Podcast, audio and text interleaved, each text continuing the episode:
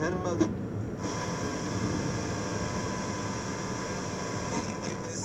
Það síður sem ekki skilja. Learning to fly, learning to run.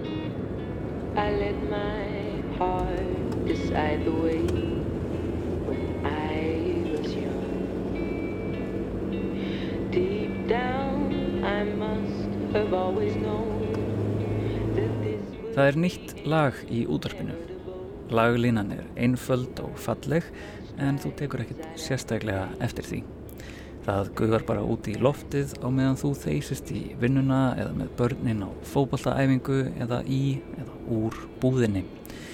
Hugurinn er annar staðar, hann er úti í heiminum. Þú ert utan við þig.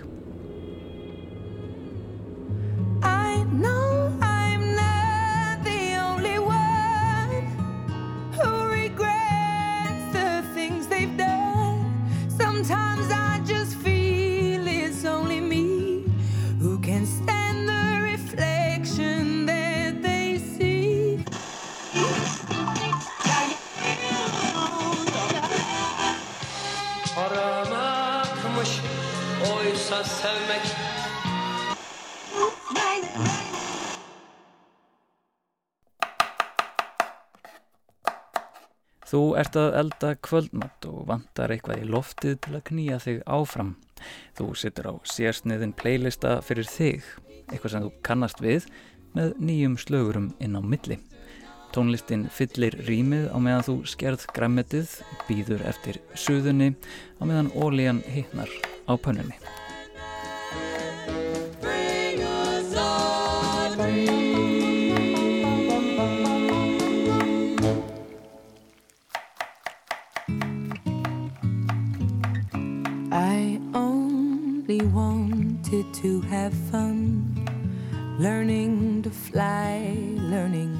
Aftur þetta lag.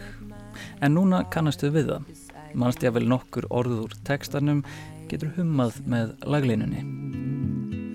Deep down, I must have always known that this would be inevitable. To earn my stripes, I'd have to pay bare my soul. Næstu daga er eins og lagið sé að elda þig. Þú heyrir það í útvarpinu í vinnunni, í glimjandi hátölurum matvörubúðarinnar, á byðstofu læknis og jafnvel sem byðtónlist í síma. Lagið síjast inn og þú byrjar að njóta þess. Syngur með, skilur sorgina sem söngkon tjáir og áður en þú veist af ertu farin að leita lagið uppi á streymisveitum eða búin að kaupa plötuna til þess að geta hlustað á lagið þegar þér hendar og setið með því á kvöldin í góðu tómi. Og dag einn, eða kannski heldur kvöld eitt, rangaru við þér á skemmtistað þar sem þú hrópar hástöfum upp í eira plötusnúsins um að spila uppáhalds lagið þitt Million Years Ago með Adele. I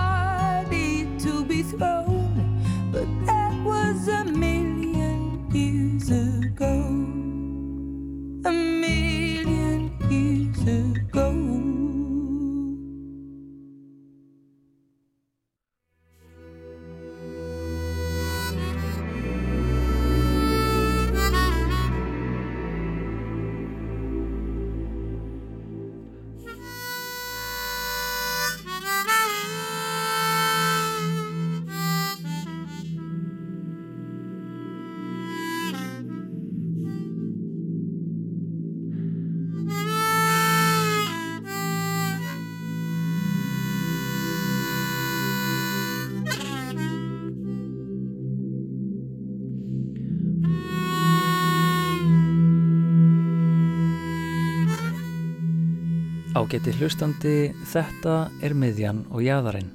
Þáttaröð sem skoðar hvernig tónlist, menning og samfélag okkar hverfist um hinn ímsu sambund miðju og jæðars. Miðjan vísar gerðan í það sem þykir vinnselt, almennt eða í tísku en jæðarinn í það sem er ekki á allra vörum og er heldur sjálfgeft. En miðjan getur einnig vísað í ráðandi öll og jæðarinn þá til jæðarsettra hópa samfélagsins. Þetta erum við og hinnir, tískan og kúlið, hið venjulega og hið óvenjulega. Eitt lítið lag eins og Million Years Ago með Adele getur með nógu mikilli endurtekningu hæglega orðið uppáhalds lagið okkar. Það kemur líkt og óvæntur jaðar inn í líf okkar í gegnum útvarp eða streymisveitur eða hvað sem er og miðjar sig með sífældri endurtekningu í lífi okkar. Upptekinn tónlist er alveg magnað fyrirbæri. Upptakan er opnun fyrir hlustendur inn á fund með tónlistarmönunum. Þetta er stuttur viðburður sem leifir hlustanda að setja sig í samband við ákveðna stemmingu á ákveðnum stað. Við hlerum samskipti hljóðfærarleikara og nefnum merkinguna í söngtekstanum og á góðum upptökum getur tengingin verið svo sterk að okkur finnst við nánast setja inn í rýminu með listamönnunum. Þegar tónlistin linnar við á þennan hátt heyrum við flytjandur stiga gagkvæman dans þar sem hvert hljóðfæri fær sitt pláss innan þess viðburðar sem lægið er. Hér deila tónlistamenn með sér augnablikinu, augnabliki sem deilist síðan með hlustendum þegar lægið er gefið út. En þetta á alls ekki við um allar upptökur. Vissulega einkennir þetta eldri dægur tónlist, jazz og klassiska tónlist en eftir miðja 20. öld hefur upptökutækni tekið miklum framförum og breytingum. Dægurtónlist er nú tekin upp í hlutum á margar mismunandi rásir. Hljóðfærin oft hver í sinn horni einangruð hvert frá öðru en koma síðan saman á loka útgáðu hvers verks fyrir sig. Lægið sjálft á upptökunum stjórnast við ekki eins mikið af stemmingu og samskiptum hljóðfærarleikara á meðan það er spilað, heldur stjórnast það af hugmyndinni sem það er. Ákveðnu skema sem segir til um hvernig trommuleikur skuli vera framkvæmdur í einangrunn, síðan bassa, gítar og píanóleikur hún á það og að lókum er svo söngurinn tekin upp eftir skipunum hugmyndarinnar ofan á heildargrunn hljóðfærana. Hugmyndinni um lag og stemmingu er fyllt strámt eftir. Hugmyndin ræður öllu. Hér á augnablík tónlistarinnar sér eiginlega ekki stað fyrir en eftir á. Vissulega er það spilað mörgum sinnum og hlusta til en hefð eiginlega augnablík eða viðburður tónlistar hvers lags afhjúpast gerðan ekki fyrir en framleiðsla þess nærtildeknu stíi og nálgast lok. Hér er augnablíkið nánast aðeins ætlað neytandanum. Það er sérstaklega hannað fyrir hann Það er ekki skapaði gegnum gagkvæma stemmingu heldur er það framleitt eftir regluverki verksmiðjunar. Regluverk verksmiðjunar er einfallega að sangað sér ráöfnum, skipta þeim í sundur og flokka, raða þeim svo aftur saman eftir ákveðnum minnstri til að búa til neysluvæna vöru. Í tónlistaframleyslu getum við hugsað þetta sem svo að hljóð og reyfingar hvers hljóðfæris eru ráöfnum sem þarf að samna saman síðan er þeim skipti í sundur, þar að segja flokkaðar niður á rásir á segulbandi eða í forriti sem raðar þeim síðan saman og snirtir og púsar til að búa til eitt stykki dægurlag. En þessi aðferð er alls ekki algild. Það er til margar leiðir til að taka upp lag. Stundum er hljómsettin tekinu upp saman sem held, stundum er allt tekið upp og síðan nota sem eins konar uppskrift til að taka hvert hljóðfæri og söng upp aftur Í nútímanum er svo fjöldin allur af sjálfvirkum hljóðfæraleik sem upptöku tölvan býr til fyrir tónlistamenn og þar fram eftir gutunum. Margrása upptökur og eins augnabliks upptökur eru sem sagt ekki eitthvað svarkvitt annarkort A eða B, heldur er þetta tvær svona helstu upptöku aðferðir nútímans. Þar sem margrása upptökutæknin er vinsæl en þessi gegn heilu augnablik eru á hverfanda kveli. Hér er svo sannlega hreyfisamband miðju og jæðars. Jæðarinn er sá flutningur sem er fangaður á upptöku en miðjan sá flutningur sem framleitur er sem upptaka. Í þessum þætti ætlum við að einbyta okkur aðalega að jæðarinnum, þessu augnabliki tónlistarinnar.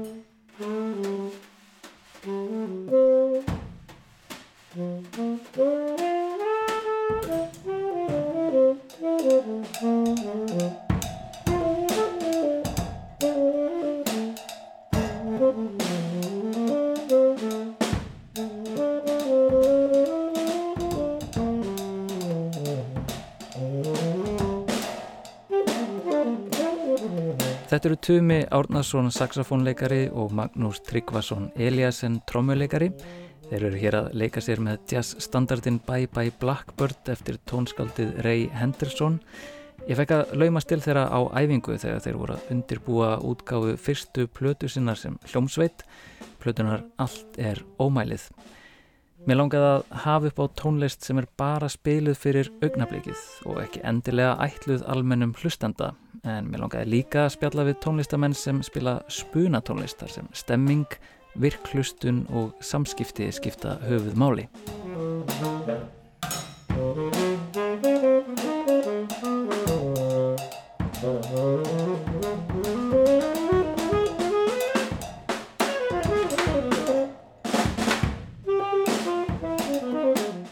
Getið byrjað að segja mér uh, hvað er ómælið?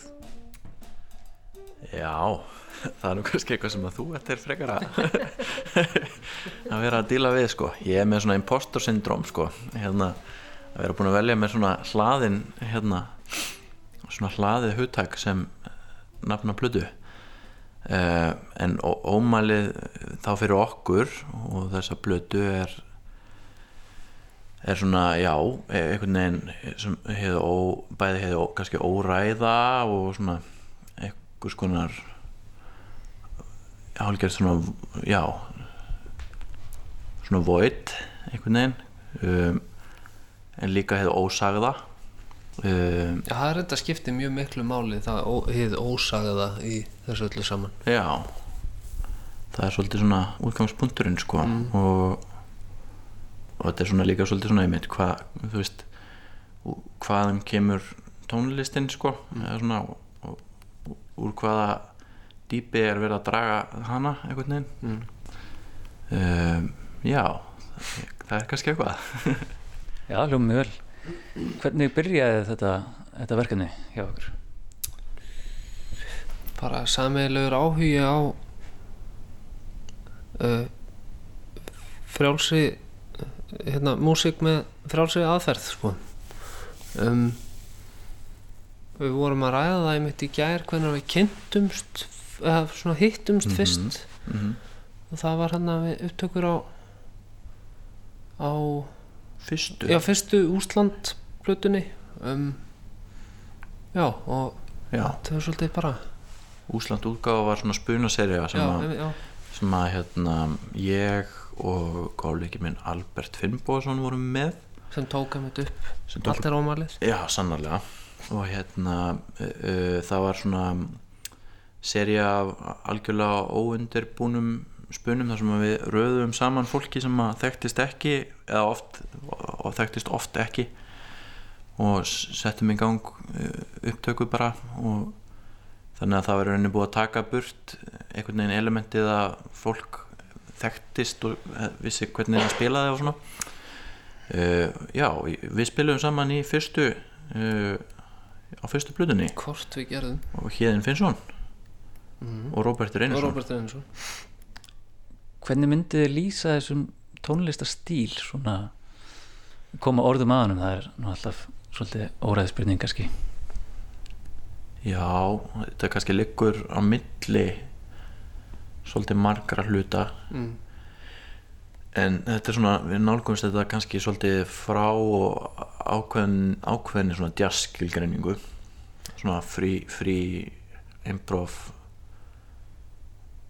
Já, frí Já. improv og, og náttúrulega bara þeim tónlistarhæðum sem við höfum munnið í og, og starfað og Já, við gerum þetta samt aðeins á ská því að þó þetta sé frjálspuni þá er náttúrulega það eru tilbúna laglínur hvað sem fólk heyrir það eða ekki en það eru tilbúna laglínur og svo er unnið aðeins út frá þeim sko.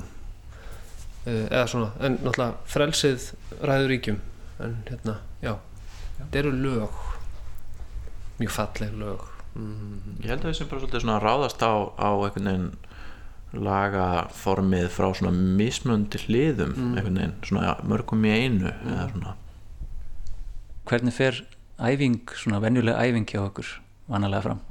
er, það, er það kaffið? Það er oft mikið kaffi. Ég er ekki svona kannski 45 mínútur kaffi? Að minnstakosti og spilum við í svona 40 já, svo fáum við okkur aftur kaffi. Og svo er tekin ákvörðun um hvort það sé nöðsynlegt að spila meira eða fara og fá sér fisk í taco á, hlemmi matel ég held líka að sé svolítið mikið svona, við erum ekkert endilega að þú veist, þegar við erum að, að spila mm, þá erum við ekkert endilega að æfa uh, áðurnönd lög. Nei, nei, nei, það er svolítið bara að vera að, við erum bara að spila sko. Mm. nema kannski eins og núna þá er, þurfum við nú kannski eitthvað aðeins að að flytja þessa blessuðu plötu sko. Þannig að hérna þá verður aðeins svona kíkt meira í, í lagabankan sko. Já, sem er náttúrulega bara alveg frábært. Já, En um, nú, nú langar mér að ganga einu skrifu lengra og spyrja ykkur hvernig myndu koma orðum af að samskiptunum ykkar á milli á meðan þið eruð að spila? Ok. Hmm. Þetta er svolítið flókjön spurning. Já, þetta er mjög flókið. Já, uh, frjálstjass hefur svona, er svona oft erfitt að hugsa um þetta svona sem, sem þetta listform sem þetta er, þetta er svona, og oft verist þetta hljóma eins og fólk sé að spila út í loftið en það er raunverulega það er mjög mikilvæg samskipti alltaf í gangi. Og svona ég velti því oft fyrir mér hvað hvað eigi sér staði í þeim samskiptum. Um, já, í þessi skipti sem við spilum live þá náttúrulega er að spilum við nú oft þarna það sem var kallað hittalægið einu sinni. Já, einmitt. Það sem það sem hérna er henni líkamsbeiting ræði hvenar nótur eru spilaðar eða ekki. Eða þú veist það er svona mm það er svona einhver líkamleg tjáning. En svo náttúrulega líka bara allir hlustun skipti ekki mestu máli? Jú, ég held að þetta er náttúrulega rosa mikið svona á, á einhverju mjög svona svona kannski ómeðvituðu og svona einhverju svona insights svona mm. stíi sko. Um, en já, ég, ég heyri það sem að þú ert að leggja til og, og svara því Mm.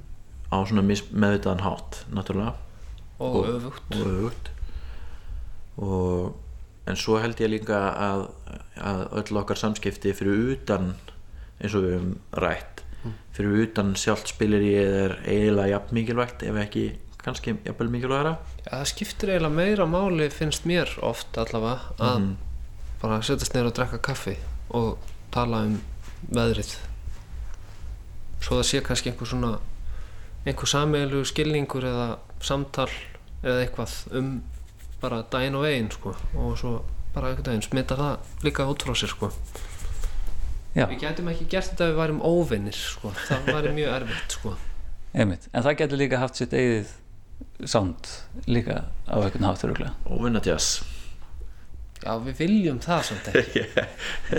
Það er öruglega eitthvað sánt jú. það er það er öruglega eitthvað mjög flott sko. Já, ég get alveg ímynda mér að það sé til svolítið mikið af óvinna jazzi sko. Já, það er til svona, það er til kannski ekki óvinnatjás en það er til svona kergjutjás Herkutjassin, já.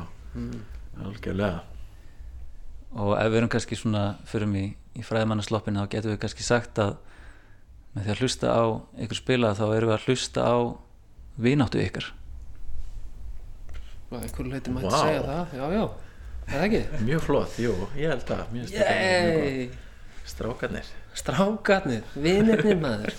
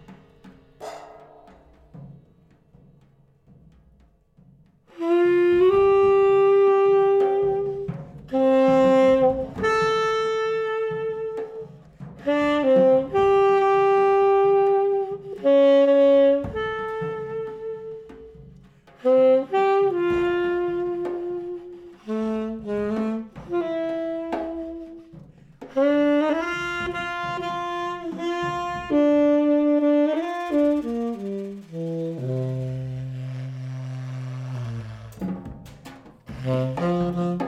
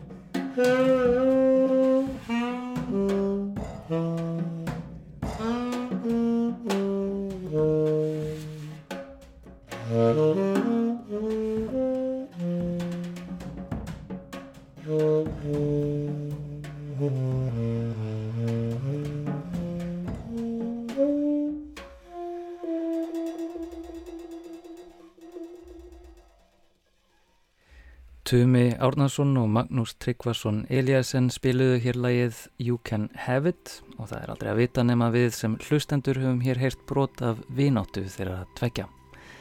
Á meðan þeir spiluðu satt ég út í hornið með upptökutæki mitt og reynda að hlera þessa augnabliks tónlist til að miðla í þessum þætti og mynda þannig sameigilegt augnablik flytjanda og hlustenda. Þetta augnablik sem er ekki svo ósvipað því sem gerist á tónleikum. Þessi upptöku augnablík sem eru að verða jaðar í dægur tónlist nútímans. Í þessari hverstaslegu top 20 útvarpstónlist er nefnilega margrása verksmiðju framleiðslan alls ráðandi. Ástæður þess eru augljósar, slíkar upptökur geta það gert hljóðfæri og söng skýrari og sá sem tekur tónlistina upp og hljóðblandar hefur meiri stjórn á ferlinu. Þessi aðferð gerir upptökustjórum auðveldara fyrir að ná góðri loka afurð úr þeim tökum sem þau stjórna. Þá sérstaklega við ef tónlistamenn eða hljómsveitir eru ekki í góðu flutningsformi. Þá getur hver leikari fengið að gera aftur þang til að rétta takan kemur í ljós. Í upptökufórutum nútímans er líka orðið einfaldara og einfaldara að laga upptökur sem misefnast. Ef trommur eru örlítið úr takt á einum stað er hægt að draga hluti til í forriti og koma þeim í takt. Sama er hægt að gera með bassaleik og flest ritma hljóðfæri. Einnig er hægt að laga laglínu söngvara. Ef hann eða hún hittir ekki á nákvæmlega fyrirskipaða nótu þá er hægt að fara inn í upptökuna og draga þá nótu sem var raunverulega sungin upp eða niður í þá nótu sem á að vera sungin. Í tilviki lagsins Million Years Ago með Adele sem heyrðist hér í byrjun þáttar þá efast ég ekki um að það sé búið að fara rækilega yfir þá laglínu sem hún syngur og sletta úr öllu sem er ekki á nákvæmlega réttum stað. Adele er vissulega mjög góð söngkona en yfirferðarferðlið er hins vegar orðið staðlað. Það segir okkur að þó að hún sé góð söngkona þá getur hún ekki verið fölsk á plötunni sem hún gaf út. Það er bara allt lagað. Og eins og með svo margt sem tæknin einfaldar fyrir okkur þá glatast alltaf eitthvað við þá einföldun. Slík glötun er kannski frekar augljós í tilfelli hluta eins og fjöldaframleitra örbylgjupítsa, fjöldaframleitar lópapeisur missa líka ákveðin sjarma og þar fram eftir gutunum, en í tilviki dægurtónlistar er glötunin ekki ábyrrandi. Taktfastur ritmi og spot-on söngur er ekki eitthvað sem við myndum kvarta yfir á sama hátt og við genum kvartað yfir örbylgjupítsunni. Það er þó frekar að við verðum var við eitthvað konar einsleitni í tónlistinni og ákveðni af mennskun. Það er nefnilega mennst að tromma örlítið á undan eða eftir taktinum. Taktur manneskunar er nefnilega aldrei fullkomin heldur sveiplast hann örlítið í kringum tempo lagsins. Það er líka mennst að rekast í ránga nótu á hljóðfærinu sínu en retta sér og það er svo sannlega mennst að syngja ekki 100% réttar af 440 nótur. Nú er ég kannski farin að hljóma eins og einhver gamal skallapoppari sem er að reyna að sanna að dægur tónlistin í gamla daga hafi verið ekta og að tónlistin í dag sé gerfi. Það er alls ekki það sem ég er að gera. Ég er ekki að segja að breysk mennska sé góð og hárfín tækni nákvæmni slæm. Það sem ég er að reyna að segja er að svo hverstags tónlist sem ratar til okkar dag frá degi er að miklu leiti búin að sletta úr þessari mennsku sem getur verið bæði gott og slæmt. Breysk mennska er ekkert endilega spes. Hún getur verið fyrirferðamikil, klauvaleg og skömmustileg en hún getur líka verið augrandi, upplýfgandi og framúrskarandi. Málið er bara að í verksmiðju vætu tónlistar landslægi rata þessar góðu og slæmu hliðar mennskunar ekki endilega inn í hérna samfélagsmiðjöðu dægurtónlist sem gerir hana vissulega ögn fátækari. Þess ber að geta að út frá þessari margrása upptökutækni hafa sprottið margar mismunandi tónlistastefnur sem pæla lítið sem ekkert í mennskunni og enn aðrar sem skoða innri landslög mennskunar á algjörlega nýjan, ferskan og hátæknilegan hátt. Í báðum tilfellum er ráftónlistin sannlega í brotti fylkingar með öllum sínum undirstefnum. Slikar stefnur gera veruleika okkar mun ríkari en endaleysa allt of mennskra analóg mómenta. Ef miðjan, þessi margrása verksmiðjukenda tónlistarframleysla sem framleiðir augnablík sín með ströngu hugmyndaskema, ef þessi miðja slettar úr mennskunni í gegnum tól og tæki sem rítstýra því hvernig tónlistin á að heyrast, þá langar mér svolítið að skoða jæðarinn aðeins betur. Þessi augnablík sem eru fönguð á upptöku og er erfitt að stýra á sama hátt þar sem nema má þá mennsku sem annars væri núluð út. Littlar villur, taktsveiplur, óvænt andartök og jável samskipti og eða vináttu tónlistamannana. Við skulum því halda áfram að skoða jæðarinn og reyna að finna þær hliðar mennskunar sem við erum mögulega að missa af í dægurtónlistinni. Við skulum skoða hljóðfæri sem hittir nánast aldrei á nákvæmlega rétta nótu.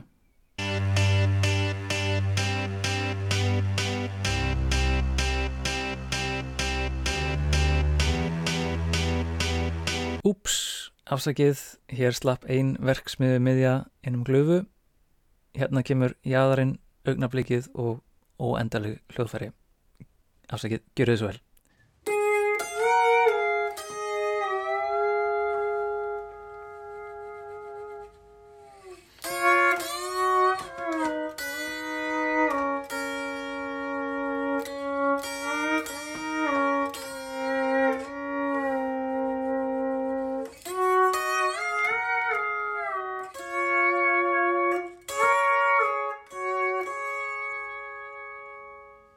Hér spilar Þorleifur Gaugur Davidsson tónlistamæður brotur læginu Together Again með Buck Owens.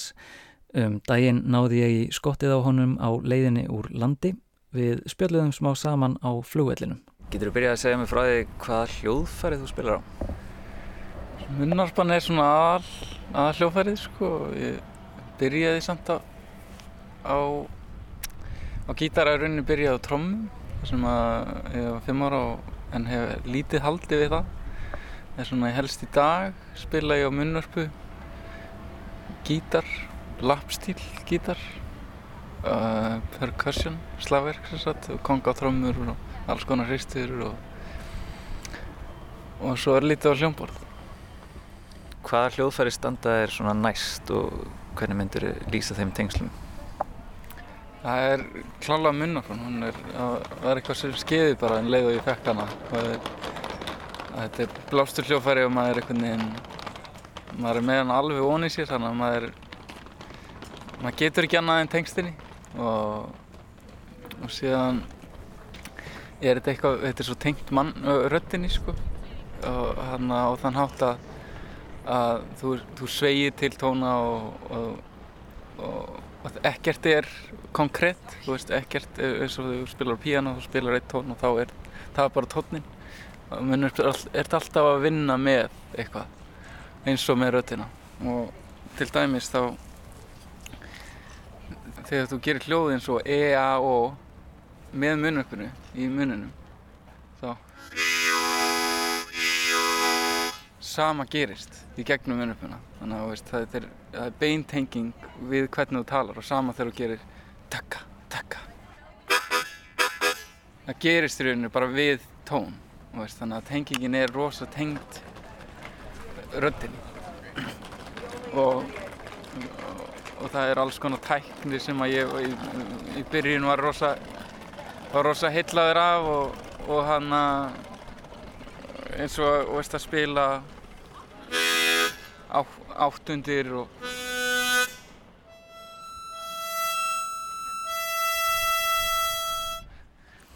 og síðan frekar nýlega er byrjað að spila á, á lapstíl gítar, kjöldu gítar slæt og það er svipað element, það koma mikið af þessu svipað elementum og, og hefur hjálpað mér að hafa bakgrunn á, á munupuleik það er sama, þú einhvern veginn hittir aldrei á neitt tón lendir aldrei á henn, þú ert alltaf að finna rétti tónin og þú ert alltaf að, sveigja inn í eitthvað.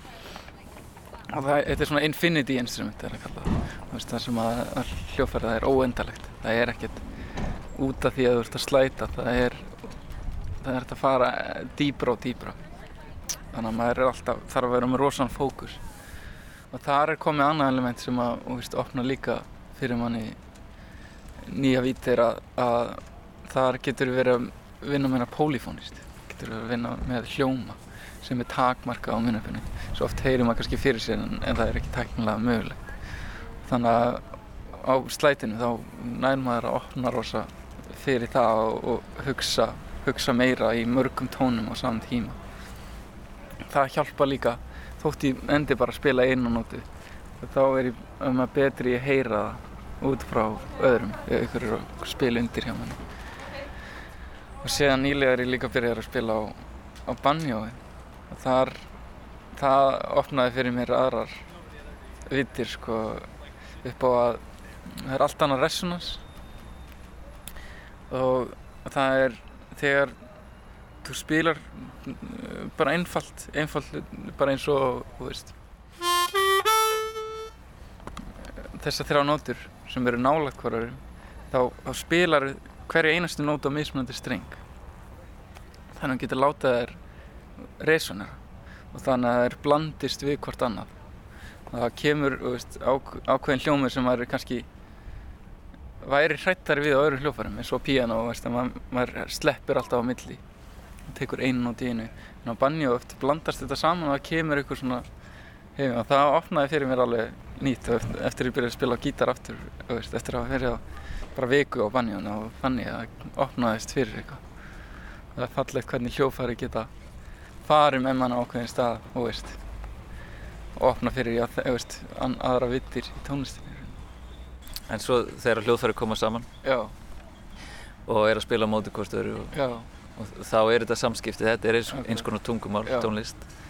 Uh, gætur einhvern veginn reynd að koma orðum að því hvað fer fram á milli þín Já. og þess sem þú ert að spila með eða á móti? já. Í fyrsta lagi þá er þetta, þá er, er þetta rosa persónulegt. Þetta er bara tenging á milli tveggja mannarskja, og veist. Oft skiptir er rauninni ekki máli hvað hljófærin eru. En, og veist, og stundum finnum maður um leið, og veist, það bara tengist. Og stundum finnum maður ekki neitt.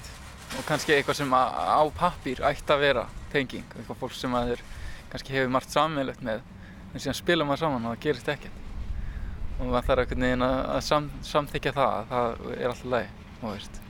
Síðan er gaman líka, og veist, eins og við verðum að undirbúa smá tónleika með Davíður Jónsson í pínuleikara og þar við spilum ör sjaldan.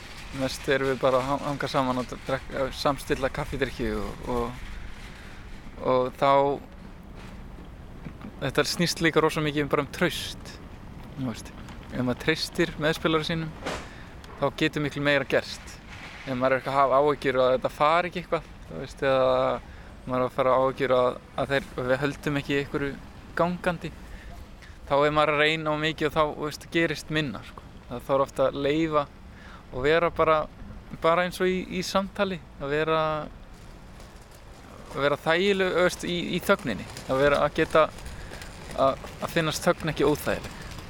Veist. Að maður þurfi ekkert alltaf að fylla út í það. Því að annars gerist ekkert úr þessum þögnum það eru oft fallegustu mómentir sem koma úr því.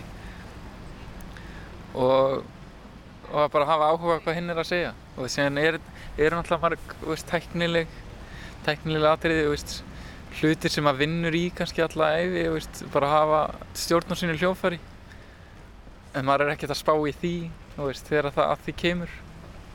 Einhvern veginn, veist, maður getur bara að spila frá þeim stað sem maður er á þeim tímapunkti. Þá snýst þetta mest bara um þetta. Og að vera að spila frá veist, sama stað, veist, að vera að að gera eitthvað í því mómenti. Það er skemmtilegt að spila með eitthvað eins og píanói eins og ég er að sjá það er svo konkrétt hljóðfæri þú veist, að vinna með miklu færi element en, veist, en fleiri ákveðin átt þú veist, með fulla pólifóni þú veist, getur spila tíu nótur á sama tíma þú veist, og jafnvel meira. En veist, þeir geta ekki sveikt til tónuna og þá kemur ákveðin svona að maður að vinna, þú veist, mun, til þess að spila upp á móti píanó eða það kemur eitthvað allt annar fílingur, þetta er svo ólík hljófæri en samt finnum við eitthvað sameiginlegan grunn þú veist.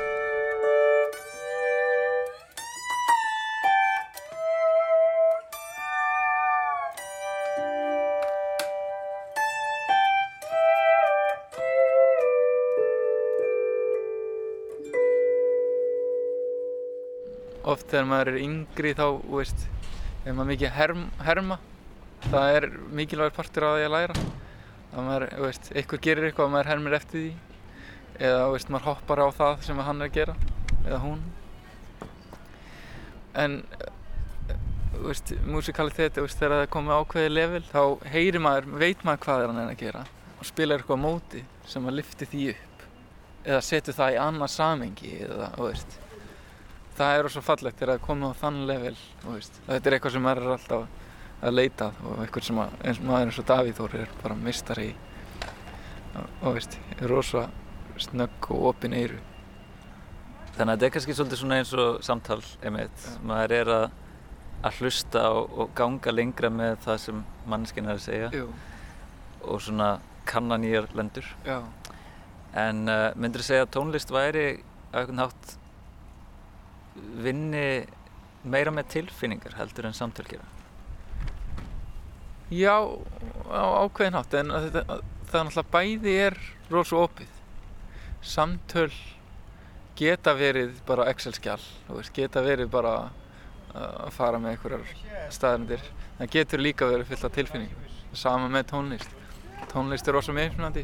Sumir fara í einhverjar aðrar pælingar og eru meira kannski vísindarlegir í sinni nálgun. En músík fyrir mér hefur alltaf verið einhver tilfinningarleg lósun og maður er að vinna með undir meðutundana, maður er að losa eitthvað og, og maður er að spila frá ákveðum stað og því meira sem maður hefur lifað því dýpir stað, staður er það. En já, fyrir mér er það alltaf það sem að ég líti upp til. Maður er alltaf heillaður af, af einhverju sem er virkilega tæknilega fær á hljófærið en það sem skilur eftir sig er tilfinningarliðin það er það fólk sem ég líti upp mest til í tónlistinni er er oft hefur þessa dýft sem er er erfitt að kenna í skóla eða, veist. En það er einhvern veginn eitthvað sem ég veist, stefni að eitthvað sem ég lít mest upp til. Það er svo fallegt tónlist þú veist, meira en margar aðra listir er það þú, þetta er svo mikið moment þú ert að spila hana þú hverfur bara í það. Veist, þegar, að- þegar það er rétt þá er ekkert annað. Þetta er algjört, algjört flæði. Og og það er eitthvað sem maður lítur mikið upp til þegar maður sér sér fólk sem bara alveg er bara komið inn í tónlistina þú veist, sem bara sem dæmi Mahalia Jackson gospelsönguna sem að hárið allt farið í veist, og og er ekkert að syngja lengur í mækin kannski. Komin eitthvað veist, en því hún er ekkert að spá í því. Hún er bara í einhverju tilfinningalegu flæði að syngja gospellag sem hann hefur kannski, veist, hún lærði af ömmu sinni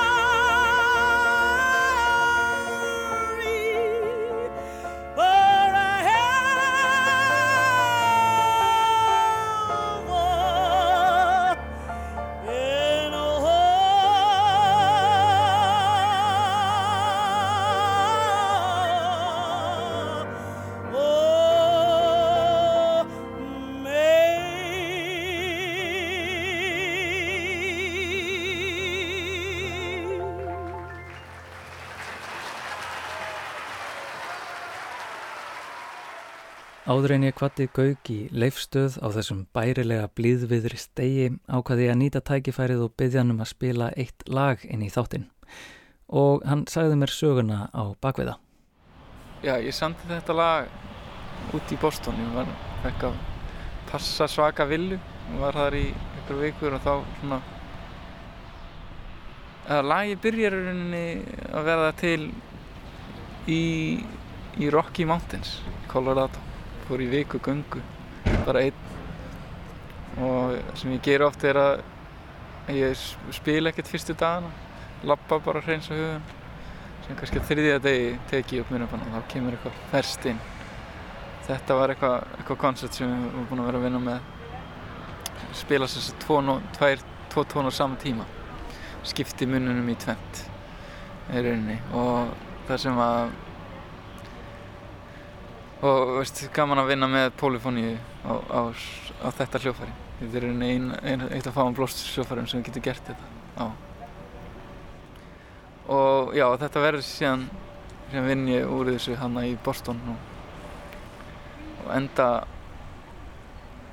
á því að, að tilenga þetta föðu mínum í, í, í kistulagninga hans þannig að, sem að setja eitthvað svona ég var, vissi ekki alveg hvert þetta lag átt að fara. En þarna kristallast það einhvern veginn auðvitað var það fyrir hann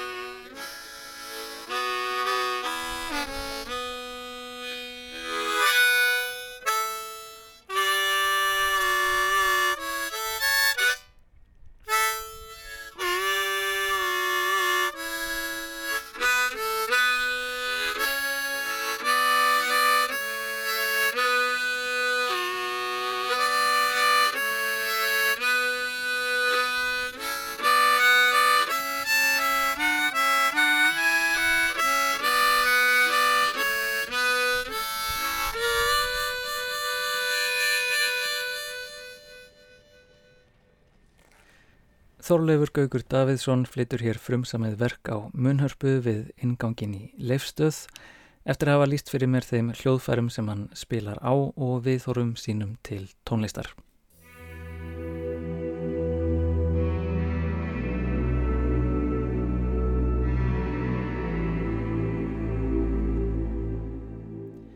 Fjöldaframleitt dægur tónlist, miðjan okkar, síjar í burtu klaufaskap, mistök og hæfileika leysi. Hún lagar og slettir það sem við fýlum ekki. Tækin og tólin koma í veg fyrir að við sem hlustendur þurfum að hlusta á taktleysi eða feilnótur. En með því að setja upp allar þessar síjur fyllir hún alveg í flest allar þær glufur sem mennskan getur sloppið í gegnum. Hún fyllir í allar þagnir. Ef þú kæri hlustandi flettir inn á top 20 útvarpstöð þá ætti það ekki að koma þér á óvart að þar heyrast nánast aldrei þagnir. Á slíkum stöðum er þögnin mistök. En þögn, eins og Gaugur kom inn á, þarf ekki að vera óþægileg. Hún getur verið mikilvægt rými innan tónlistar, rými sem leifir nótum og hljómum að fikra sig áfram. Leifir tónlistamönnum að prófa eitthvað nýtt og afhjúpa pælingar sínar. Og kannski er ég smá skallapoppari því mér langar að halda því fram að því nær sem tónlist fer að því að verða söluvæn neysluvara því ólistræni verður hún. Já, úps, ég sagði það, en tónlist sem er framleitt með formúlum, tónlist sem síjar mennskuna burt en setur hana samt einhvern veginn á svið, tónlist sem er samin af mörgum einstaklingum og verður þannig einhvers konar óljós samnefnari margra skoðana, tónlist sem borgar sig inn á útvarpstöðar, tónlist sem hlýtir lögmálum markaðarins. Ég tel þess konar tónlist vera fjarlægast það að vera listform. En það er hún kannski ekkert að reyna að vera listform, hver veit. Eða kannski er hún sitt eigið listform. Pop, tón, list. Og sem tónlist er hún vinsældar miðja. Það sem vantar samt í það listform er meðal annars það sem komið hefur fram í viðtölum þessa þáttar. Á jæðri þessarar vinsaldar miðju eru heilar tónlistastefnir á borð við rimnasöng, afrobeat, sírurokk, trip-hop og jazz og já, meira segja klassisk tónlist þrátt fyrir vinsaldir sínar gæti verið skilgrind sem jæðar frá verksmiðju miðjunni. Hér erum við heldur komin að kjarna tónlistarstefna. Það að marka stefnu sína innan listar er gerna það að skilgreina sig frá ákveðinni miðju frá viðteknum hugmyndum. Og allflestar tónlistastefnur skilgreina sig ítalega frá líkum stefnum en almennt skilgreina þær sig flestar frá vinsældar miðjunni, þessum topp 20. Sem sagt, flest allar tónlistastefnur eru eitthvað annað en poppið. Flest allar tónlistastefnur eru einhvers konar jáðar, saman hversu stórir við vinsælda miðjuna. Innan jáðar tónlistastefna geta skapast rými fyrir þögnina, fyrir frelsi og leikgleði innan tónlistarinnar, fyrir klunnalega en líka framúr skarandi mennsku, fyrir virka hlustun og traust, fyrir tóna samtöl innan tónlistar, fyrir vináttu hljóðfærarleikara, jável fyrir óvináttu hljóðfærarleikara. Á jáðurinum má finna augrandi pólifóníur, sambland tóna sem kalla fram óþægindi en líka silki mjúk þægindi. Þar ríkir mennskur flæðandi tími. Á jæðrinum þarf bara að setja mikrofón í gang og augnablikið smitast inn á upptökuna.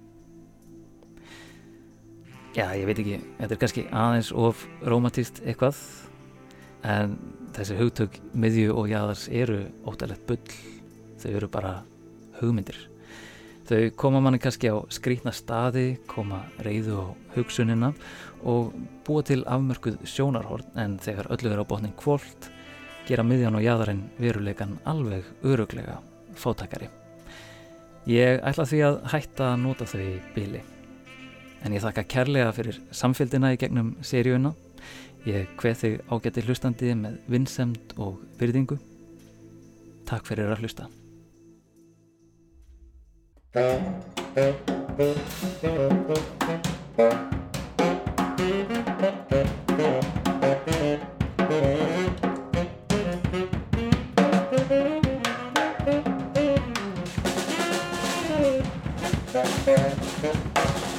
Thank you.